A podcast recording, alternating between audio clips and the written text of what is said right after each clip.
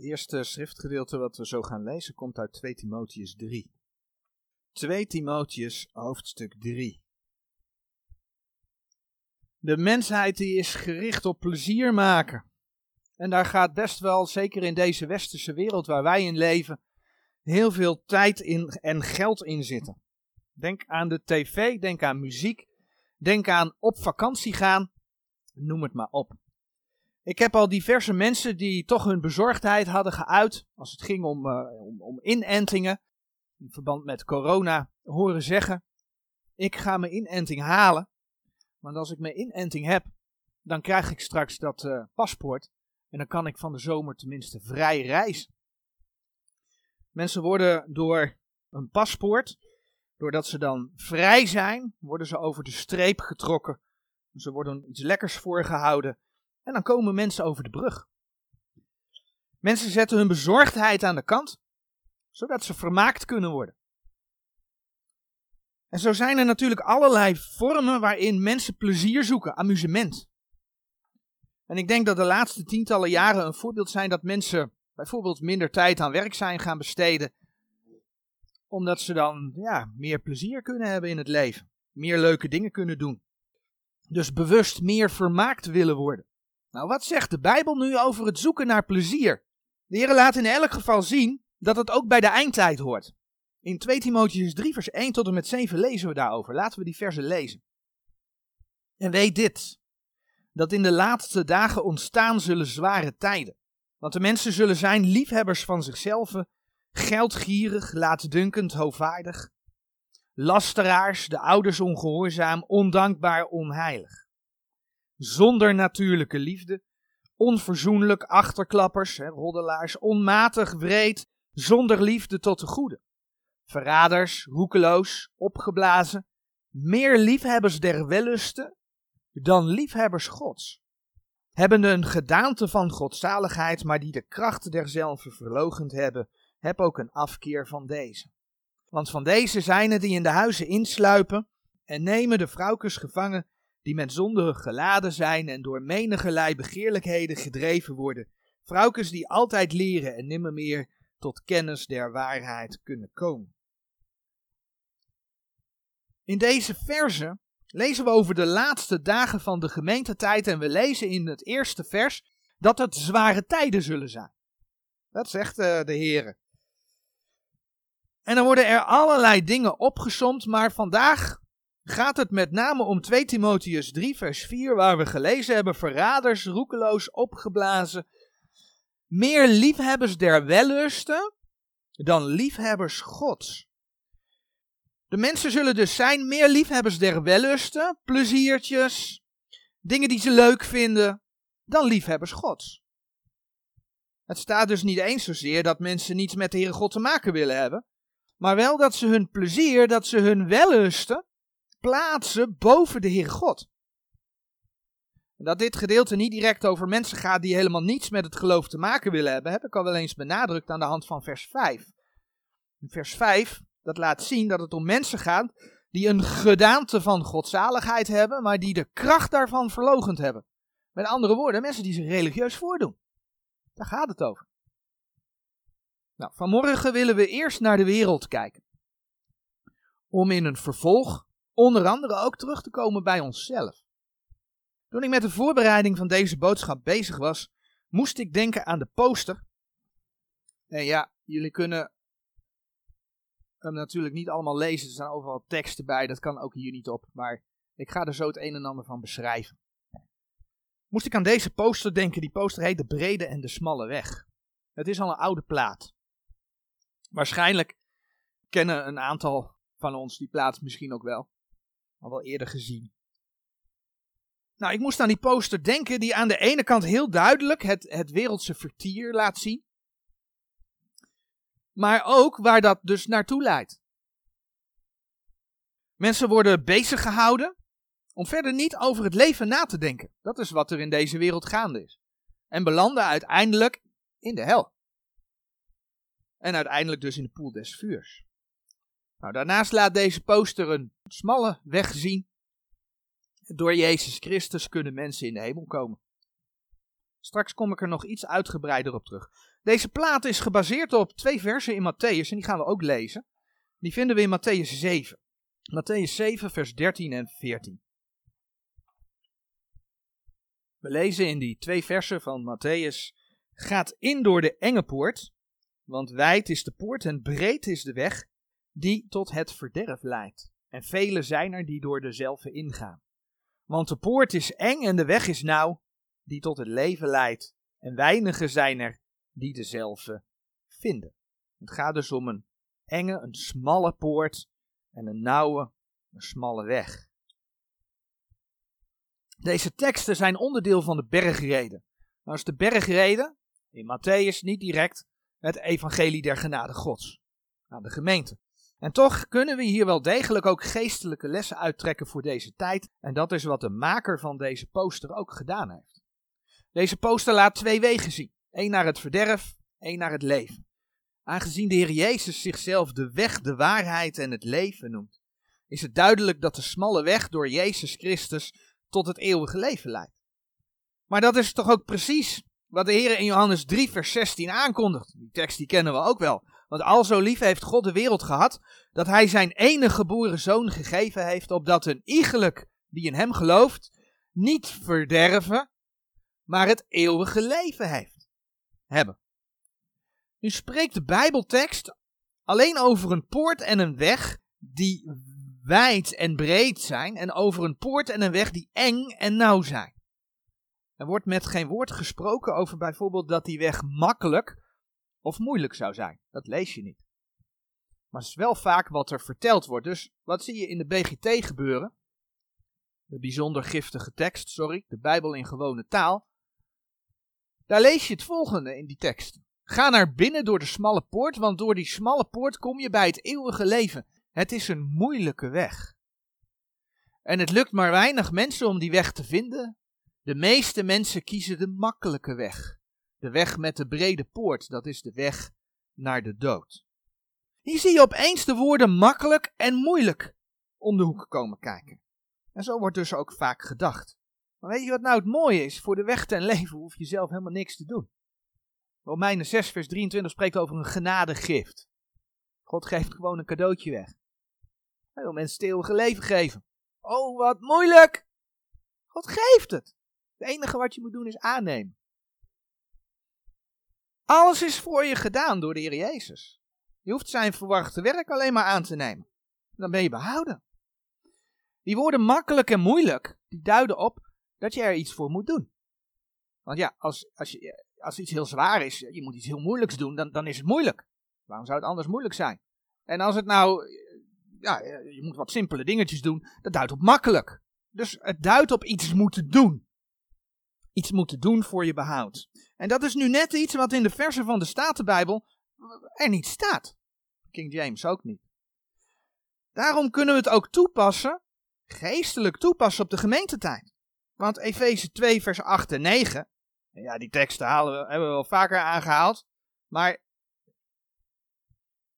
zeggen toch, want uit genade zijt gij zalig geworden door het geloof en dat niet uit u, het is Gods gave, niet uit de werken op dat niemand roemen. Nou, wat wel een verschil is, is dat er maar één weg tot het behoud is. En op de brede weg maakt het eigenlijk niet uit wat je doet of wie je volgt. En omdat er zo ontzettend veel wegen in deze wereld zijn, ik heb het dus nu even niet over deze plaat, maar omdat er zo ontzettend veel wegen in deze wereld zijn, Zelfs binnen het christendom heb je veel religieuze stromingen waar niet gebracht wordt dat je de Heer Jezus als je persoonlijke verlosser moet aannemen. Daarom is die ene smalle weg, wat Matthäus 7, vers 14 zegt, ook zo moeilijk te vinden. Er zijn veel wegen. En leg het iemand maar eens uit die zich verdiept heeft in verschillende stromingen, wat dan de verschillen zijn. Er zijn veel wegen. En ik kan me voorstellen dat dat voor sommigen best verwarrend is. Dus Matthäus 7, vers 14 zegt ook dat weinigen die weg vinden. En als je dan denkt aan Spreuken 14, vers 12, die tekst staat op de dia. Spreuken 14, vers 12, daar staat: Er is een weg die iemand recht schijnt. Dus de mens vindt dat een weg recht is. En kijk wat dan de Heer zegt. Maar het laatste van, die, van dien zijn wegen des doods. Zodra we onze eigen wegen gaan zoeken en dat recht vinden, het schijnt recht, dan zegt de Heer, maar het laatste van die zijn de wegen des doods. Want hij heeft gewoon één weg gegeven. Maar voordat we verder gaan met kijken naar plezier, naar de wellusten, wil ik kort de plaats bespreken van de brede en de smalle weg die posten. En het ook tegen Gods woord aanhouden. Want de plaat hoort niet een uitgangspunt te zijn. Nou, en ik zeg dat omdat ik ben, ben, ben tegengekomen dat ik in een dienst was. En daar werd een schilderij als uitgangspunt genomen. Er eh, werd uit Gods woord gelezen. Maar vervolgens ging het over een schilderij. En wat zegt de beste man op een gegeven moment? Die zegt. Maar wat de, de, de kunstenaar in dit schilderij heeft weten vast te leggen. Dat is wat je tussen die twee versen inleest. En vervolgens was de conclusie haaks op als je die twee versen gewoon leest. Of het pericoopje gewoon leest. Met andere woorden, door iets tussen de regel te lezen, verandert men de Bijbeltekst. En dan ga je dus een schilderij ga je als uitgangspunt nemen. Ik gebruik het als illustratie, niet als uitgangspunt. We gaan er in grote lijnen doorheen, want van de afstand zie je dat niet, maar er staan heel veel Bijbelteksten in die plaat. Maar ik wil uh, een aantal dingen eh, laten zien. Ik wil ook een aantal opmerkelijke dingen benoemen. Het is wel degelijk een evangelieboodschap die in die plaats verwerkt zit. Aan de voet van deze plaats. Daar worden mensen opgeroepen om een keuze te maken. En bij die keuze staat onder andere 1 Timotheus 2 vers 4 vermeld. En wat staat er in 1 Timotheus 2 vers 4? Daar staat welke wil dat alle mensen zalig worden en tot kennis der waarheid komen. Oftewel, het is geen uitverkiezingsplaat. Er wordt benadrukt dat de, het evangelie, dat de boodschap is voor alle mensen. Ook wordt er nadruk gelegd op het feit dat het behoud niet uit de werken van de wet is, maar dat mensen opgeroepen worden om wederom geboren te worden. Johannes 3, vers 3 staat hier boven de, boven de smalle, de nauwe, de, de, de enge poort vermeld. En dat de Heer Jezus voor de zonde van de mensen gestorven is. 1 Petrus 2, vers 24 wordt genoemd. Wel zie je in deze plaat dat het recht verdelen van Gods woord lastig is. Want diverse teksten voor Israël in de grote verdrukking komen langs en die vind je gewoon op de smalle weg. Matthäus 25 vers 35, Matthäus 25 vers 36, Matthäus 25 vers 39. Dat zijn versen waarin uh, de Heer Jezus op de aarde is gekomen, op zijn troon zit en de volken zal oordelen. En nagelang de volken met zijn broederen gedaan hebben, zullen zij aangenomen worden of niet, verworpen worden. Dat is wat dat gedeelte laat zien, wordt hier gewoon, ja, toegepast op de smalle weg. We zien inderdaad ook de, de, de oproep sorry, om de wapenrusting gods aan te doen. Efeze 6 vers 11 wordt genoemd en dat is te klein, maar als je hem van dichtbij gaat bekijken, dan zie je daar een leeuwtje staan. Er wordt tegen een leeuw gevochten. Maar die leeuw, de duivel, die ligt aan een keten. Nou, dat is ook wat de kerk over het algemeen brengen. Die zien niet dat er nog een duizendjarig vrederijk moet komen. De Satan is nu gebonden. Nou, de Satan is helemaal niet gebonden. Die Satan wordt nog gebonden in het duizendjarig vrederijk. Openbaring 20, vers 2. Verder zie je bij het nieuwe Jeruzalem, als je boven komt, zie je de tekst geplaatst van bijvoorbeeld Openbaring 7, vers 9. Nou, wat staat er in Openbaring 7, vers 9? Openbaring 7, vers 9, daar staat. Naar deze zag ik en zie een grote schare die niemand tellen kon, uit alle naties en geslachten en volken en talen, staande voor de troon en voor het lam, bekleed zijnde met lange witte klederen en palmtakken, waren in hun handen. Deze grote schare uit Openbaring 7 is de schare van mensen die in de grote verdrukking tot geloof komen en dan hun leven laten voor de Heer. Zij behoren niet tot de gemeente, of de verkondiging van het evangelie der genade gods in deze tijd. Zo lezen we bijvoorbeeld boven het nieuwe Jeruzalem de tekst Openbaring 14 vers 1. Nou, wat lees je in Openbaring 14 vers 1? Dat gaat over de 144.000. En ik zag en zie, het lam stond op de berg Sion en met hem 144.000, hebbende de naam zijn vaders geschreven aan hun voorhoofden. Nou, wanneer je Openbaring 7 leest, dan weet je dat de 144.000 verzegelden dat die uit Israël zijn. Dus ook niet uit de gemeente. Duidelijk is dus dat het onderscheid tussen Israël en de gemeente niet gekend is. iets wat kenmerkend is voor de katholieke en de meeste protestantse kerk. Wel, echter, zien we op de scheidslijn tussen de smalle en de brede weg, daar gebeurt van alles. Hier zo, hier loopt die smalle weg en hier gebeurt van alles. En wat daar gebeurt, dat zijn pogingen om mensen van de brede weg op de smalle weg te krijgen. Want de tekst 2 Korinthe 5 vers 20 wordt genoemd, we zijn gezanten van Christus. Zo wordt het voorbeeld van de verloren zoon. Hier is dat ongeveer erbij geplaatst. De verloren zoon die tot bekering komt en die teruggaat tot de vader. En dan is wel weer een typische tekst die erbij geplaatst is, is Lucas 16 vers 26. In Lucas 16 vers 26, daar lezen we en boven de, laten we hem gewoon even opzoeken. Lucas 16 vers 26, dan zie je meteen uit wat voor gedeelte dat is. Het komt uit het gedeelte over de rijke man en Lazarus. Lazarus de bedelaar. En vers 26 zegt: En boven dit alles tussen ons en uw lieden is een grote kloof gevestigd, zodat degenen die van hier tot u willen overgaan, niet zouden kunnen gaan. Nog ook die daar zijn, vandaar tot ons overkomen. Het gedeelte in Lucas 16 gaat dus over die rijke mannen en die bedelaar Lazarus, maar dat gaat over het leven na de dood. Die scheidslijn is iets wat er ook nu op aarde al is. En deze scheidslijn, dus dat mensen, mensen uit de wereld proberen te trekken, dat is wat er nu is. Maar die scheidslijn waar het vers over spreekt, is er juist niet. Dat is na de dood. Hoe zou anders de verloren zoon tot de vader kunnen komen? Als daar een, niet te overbrugbare kloof is. Dat kan niet. Dus die tekst is wel vreemd dat die daar staat. Nou, dan heb je de brede weg. Dat is dit gedeelte. De brede weg waarbij uh, Jacobus 4, vers 4 geciteerd wordt. Dat een vriend van de wereld is een vijand van God. We zien mensen die geen tijd voor de Heer Jezus hebben omdat ze net getrouwd zijn. Of omdat ze net nieuwe ossen gekocht hebben en daarmee druk moeten zijn. Lucas 14, vers 19 en 20. We zien vrolijkheid door middel van terrasjes, de schouwburg, de balzaal. We zien mensen die geld lief hebben.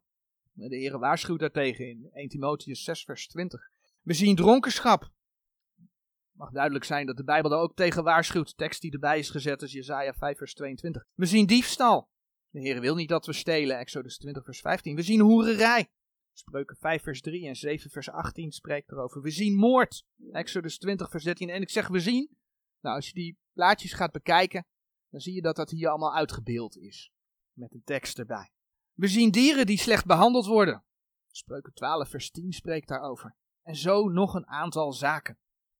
Nou, ook op die brede weg zien we de vermenging van Israël en de gemeente terugkomen. Want hier, met name in het eind, worden de profeten uh, Jeremia en Ezekiel geciteerd. Ja, dat zijn teksten die gaan over Israël en de grote verdrukking, duizendjarig vrederijk. Dat heeft niets te maken met de brede weg die er nu is. En daardoor wordt bijvoorbeeld ook voor het oordeel wordt Matthäus 25 vers 41 geciteerd, wat helemaal niet over het laatste oordeel gaat, maar wat gaat over het oordeel van die volken. Ik kan even aanhalen. Maar blijft overeind staan dat ondanks een aantal niet recht gesneden teksten, deze poster laat zien dat het einde van alle wellusten op deze aarde de poel des vuurs is. Waar dan weliswaar Matthäus 25 vers 41 als bewijstekst voor gebruikt wordt. Want zonder de Heer Jezus is er geen redding. En dat is wat die poster laat zien. En dan staat boven dat alles de tekst 1 Petrus 3 vers 12. En wat staat er in 1 Petrus 3 vers 12? Want de ogen des Heren zijn over de rechtvaardigen en zijn oren tot hun gebed. Maar het aangezicht des Heren is tegen degene die kwaad doen. Al met al, ondanks dat dus niet alle teksten recht gesneden zijn, is het wel een plaat die met een boodschap, een, boodschap waar het evangelie in doorklinkt. En waar ik me nu vooral op wil richten, zijn de wellusten van de wereld. Vandaag kijken we naar wat wellusten zijn en wat dat voor de wereld betekent. En een volgende keer kijken we dan onder andere ook wat dat voor ons betekent. Nou, het is allereerst goed om te zien dat de Heer in zijn woord laat zien dat er ook goede wellusten zijn. Bij wellusten denken we al gauw aan negatieve dingen. Spreuken is bijvoorbeeld heel duidelijk over hoererij. En die slechte kant van wellusten, ja, die vinden we in Gods woord. Die eerste. En dat gaat veel verder dan alleen hoererij. Als we bijvoorbeeld de tekst in 2 Thessalonicense 2 vers 12 erbij pakken. 2 Thessalonicense 2 vers 12. Dan lezen we daar opdat zij alle veroordeeld worden die de waarheid niet geloofd hebben, maar een welbehagen hebben gehad in de ongerechtigheid. Nou, deze tekst gaat over de grote verdrukking. Als je de context leest, dan zie je dat. Het woordje wellust wordt niet zozeer gebruikt, maar wel dat mensen een welbehagen hebben gehad in de ongerechtigheid. Dat is wat mensen klaarblijkelijk willen. Dat is klaarblijkelijk wat mensen graag willen. Zij hebben daar hun welbehagen in. Ze vinden dat fijn. En de Heer gaat dat oordelen. Wanneer we dan Prediker 2 vers 8 lezen. Prediker 2 vers 8. Dan lezen we daar over de wel, wellustigheden der mensenkinderen. Ik vergaderde mij ook zilver en goud, zegt de prediker. Ik vergaderde mij ook zilver en goud en kleinodieën der koningen en der landschappen. Ik bestelde mij zangers en zangeressen en wellustigheden der mensenkinderen. Snarenspel, ja, allerlei snarenspel. En prediker komt er dan achter, in vers 11 zegt hij dat, dat het allemaal ijdelheid en kwelling des geestes is.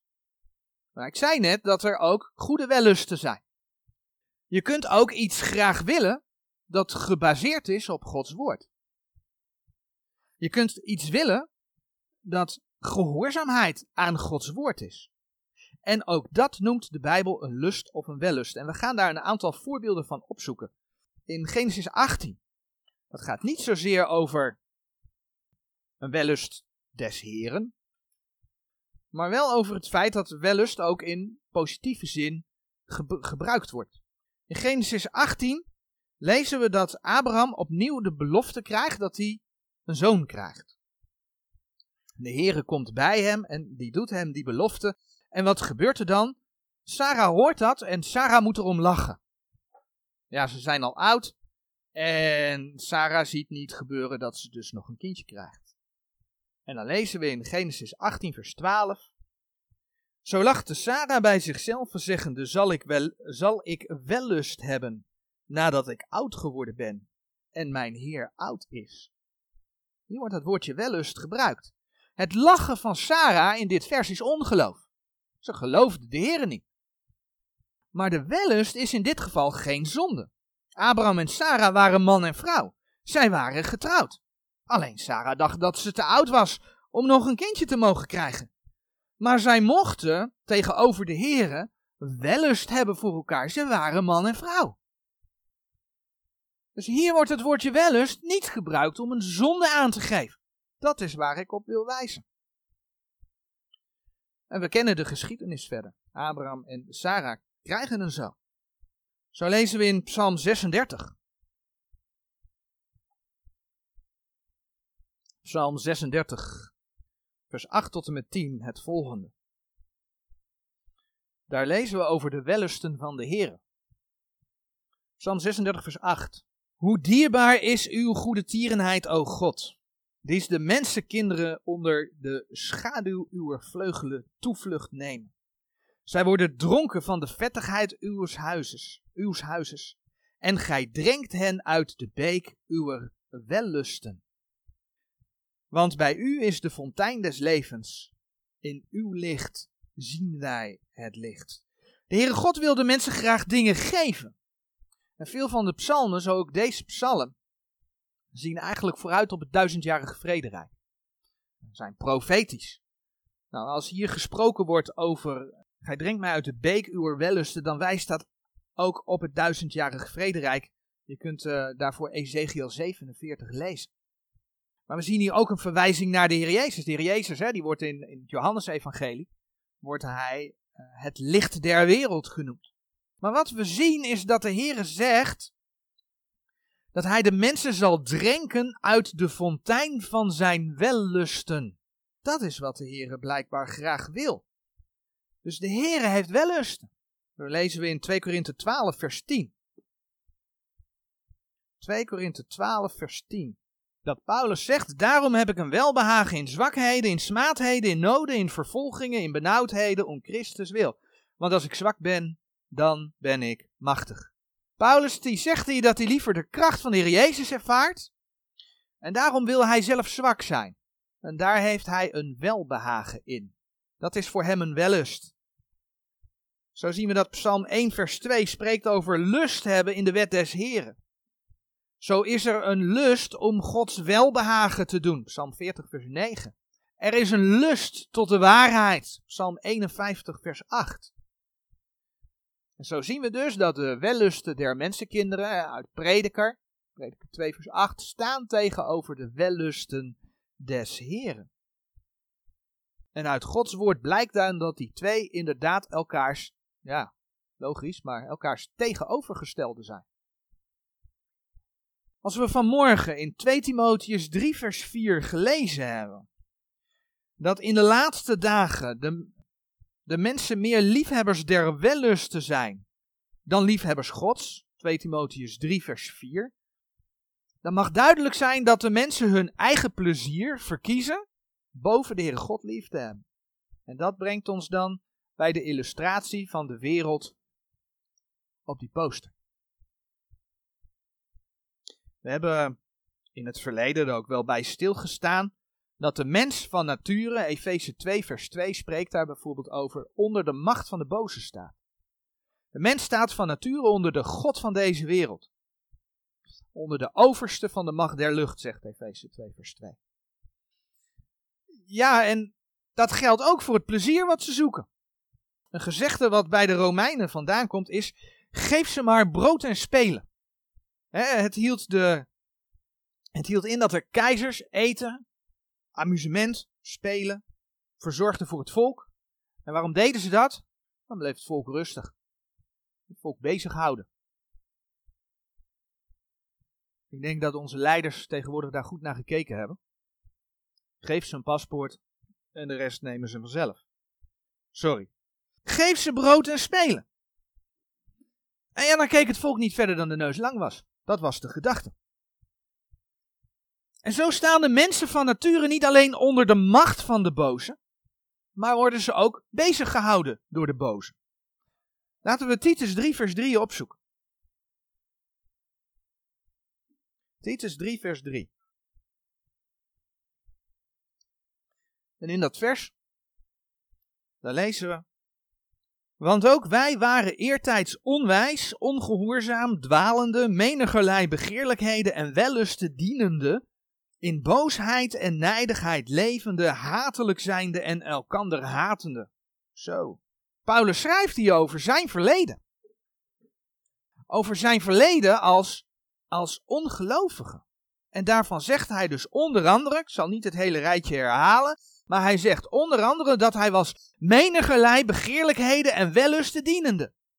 Van nature is de mens, van nature was je een dienstknecht van die wellusten. Dat is wat de Bijbel laat zien. Je werd erdoor bezig gehouden. En zo kom je op verschillende plaatsen in de Bijbel tegen dat mensen bezig zijn met eten, drinken en blij zijn. Terwijl ze niet aan God denken. Zo lezen we in Richteren 9, vers 27 dat de mensen gingen in het huis huns gods en aten en dronken en vloekten. Zo vind je in 1 Koningen 4, vers 20 daar een variant op en dan gaat het meer om het eten, drinken en blijde zijn. Zo lezen we over de rijke dwaas en laten we die tekst opzoeken. De rijke dwaas in Lucas 12, vers 19. Dat die rijke dwaas zegt, Lucas 12, vers 19. En ik zal tot mijn ziel zeggen, ziel, gij hebt vele goederen, die opgelegd zijn voor vele jaren. Neem rust, eet, drink en zijt vrolijk. God dacht er anders over. Lees de context maar. Maar daar heb je het, hè? Neem rust, eet, drink en zijt vrolijk. De mens wordt afgeleid. Maar verzadigt het ook? Verzadigt dat? Eet, drink en zijt vrolijk. Nee, dat verzadigt niet. Aards genot is maar tijdelijk. En in Hebreeën 11, vers 25 komen we van Mozes daar een heel mooi voorbeeld tegen. Ja, over Mozes, maar wel in Hebreeën. Hebreeën 11, vers 25. Hebreeën 11 vers 25 zegt, verkiezende liever met het volk gods kwalijk behandeld te worden, dan voor een tijd de genieting der zonde te hebben. Dus dit gaat over Mozes. En Mozes die koos er liever voor om met het volk gods kwalijk behandeld te worden, dan voor een tijd de genieting, de genieting der zonde te hebben. Je kunt voor de wellusten der mensenkinderen kiezen.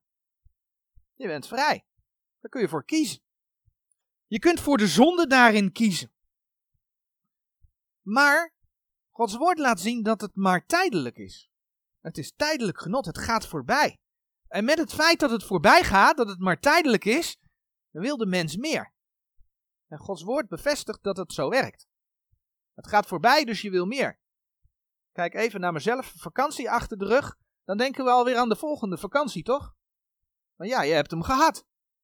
Zo zijn wij mensen. En Gods woord bevestigt dat, dat dat zo werkt. Dan gaan we naar Prediker, Prediker 1 vers 8. Prediker 1 vers 8. Daar lezen we. Al deze dingen worden zo moede, dat het niemand zou kunnen uitspreken. Het oog wordt niet verzadigd met zien, en het oor wordt niet vervuld van horen. Bladeren we door naar Prediker 5 vers 9. Prediker 5 vers 9 en 10. Die het geld lief heeft, wordt van het geld niet zat. En wie de overvloed lief heeft, wordt van het inkomen niet zat. Dit is nooit genoeg. Dit is ook ijdelheid. Waar het goed vermenigvuldigt, daar vermenigvuldigen ook die het eten. Wat nuttigheid hebben dan de bezitters daarvan? Dan het gezicht, hun ogen. En dan bladeren we nog even naar Prediker 6, vers 7. Al de arbeid des mensen is voor zijn mond, en nochtans wordt de begeerlijkheid niet vervuld. Eigenlijk zeggen die teksten, ik zei het net al, dat de mens nooit genoeg heeft. Dus nooit genoeg. De mens wil altijd meer. Dus er is geen verzadiging in aardse wellusten. En dan te bedenken dat de Heer Jezus wel verzadiging wil geven. Eeuwige verzadiging. Niet eens tijdelijk. Hij zegt dat als je van het water des levens drinkt, dat je nooit meer zult dorsten. Kijk maar wat hij bijvoorbeeld in Johannes 4, vers 13 en 14 zegt. Johannes 4, vers 13 en 14. Jezus antwoordde en zeide tot haar: Een ieder die van dit water drinkt, zal wederom dorsten. Maar zo wie gedronken zal hebben van het water dat ik hem geven zal, dien zal in eeuwigheid niet dorsten. Maar het water dat ik hem zal geven, zal in hem worden een fontein van water, springende tot in het eeuwige leven. Kijk wat de Heer de gelovigen wil geven, bijvoorbeeld in Spreuken 4 vers 18. De tekst staat hier op de dia. Maar het pad der rechtvaardig is gelijk een schijnend licht, voortgaande en lichtende tot de volle dag toe. De Heere die geeft dat je tevreden kunt zijn. De Heere die geeft dat je vervuld kunt zijn van Hem. De Heere die geeft dat je vreugde in Hem kunt hebben. Hij wil dat allemaal aan je geven. En om nou te voorkomen dat die mens dat ontdekt, geeft de vijand steeds meer brood en spelen, steeds meer wellusten. Hij houdt de mens bezig met die wellusten. En dat is wat we dan in Jesaja 5 vers 11 en 12 lezen. Laat die mens maar druk zijn. Jesaja 5 vers 11 en 12. Jesaja 5 vers 11 en 12. Wee degene die zich vroeg opmakende in de morgenstond sterke drank najagen en vertoeven tot in de schemering, totdat de wijn hen heeft verhit. En harpen en luiten, trommels en pijpen en wijn zijn in hun maaltijden. Maar zij aanschouwen het werk des Heren niet. En zij zien niet op het maaksel zijner handen. That's it. Eten, drinken, feesten vieren. Noem het maar op. Maar zij aanschouwen het werk des Heren niet. En zij zijn, zien niet op het maaksel zijner handen. En dat is dus het doel van alle plezier die de mens voorgeschoteld wordt. En laten we wel wezen, ik denk dat onze tijd bewijst dat dat plezier, plezier nooit gek genoeg kan zijn. Je hoeft alleen maar naar tv-programma's. Nee, je kunt beter niet naar die tv-programma's kijken, maar je weet wat ik bedoel. Kijk naar het aanbod wat er is. Programma's over muziek. Het eindigt in ongerechtigheid. Muziek met videoclips. Een zender als MTV. Loop je langs de huizen, dat je weet dat er van die hele kleine ukkies worden. En je ziet aan de beelden dat daar gewoon MTV op staat. Programma's over drugs en, en, en drank. Programma's over overspel. Programma's over mensen die dan gaan daten en elkaar naakt op het strand ontmoeten. Elkaar liegen en bedriegen en ga zo maar door. En het houdt mensen allemaal af van God. We zagen dat de Heere mensen zijn wellusten wil geven. En een van de dingen is dat de Heere mensen ja, wil redden. Maar de aardse wellusten houden mensen van, van Gods wellust om gered te worden af. En dat is wat we dus al eerder in 2 Thessalonicense 2 vers 12 gelezen hebben. Ik heb de tekst nu hier op de dia staan. Opdat zij alle veroordeeld worden die de waarheid niet geloofd hebben, maar een welbehagen hebben gehad, een welbehagen hebben gehad in de ongerechtigheid. En daarmee komen ze niet bij de Here, maar komen ze in de hel, in de poel des vuurs. Daarmee hebben ze geen liefdevolle vader die al op aarde voor ze wil zorgen. Daarmee hebben ze geen belofte dat alle dingen medewerken ten goede. En ga zo maar door. Ja, en mocht er iemand zijn die deze boodschap hoort en denkt: ja, maar ik heb genoeg van bezig te zijn met aardse wellusten en daar nooit verzadigd van te raken. En ik wil ook die zekerheid. Die zekerheid van die God die voor mij zorgt en die mij veilig thuis brengt. In het eeuwige vaderhuis. Neem dan Jezus Christus als je persoonlijke verlosser aan. En het is echt niet moeilijk. Romeinen 10 vers 9 en 10 zeggen dat als je dat met je hart gelooft, beleid met je mond dat Jezus Christus uit de dood is opgestaan, dat je behouden bent. Dat is alles. Doe dat. Zeg het tegen Hem. Vandaag hebben we stilgestaan bij wat die brede weg betekent. Welke rol daar de wellusten van de mensen in spelen.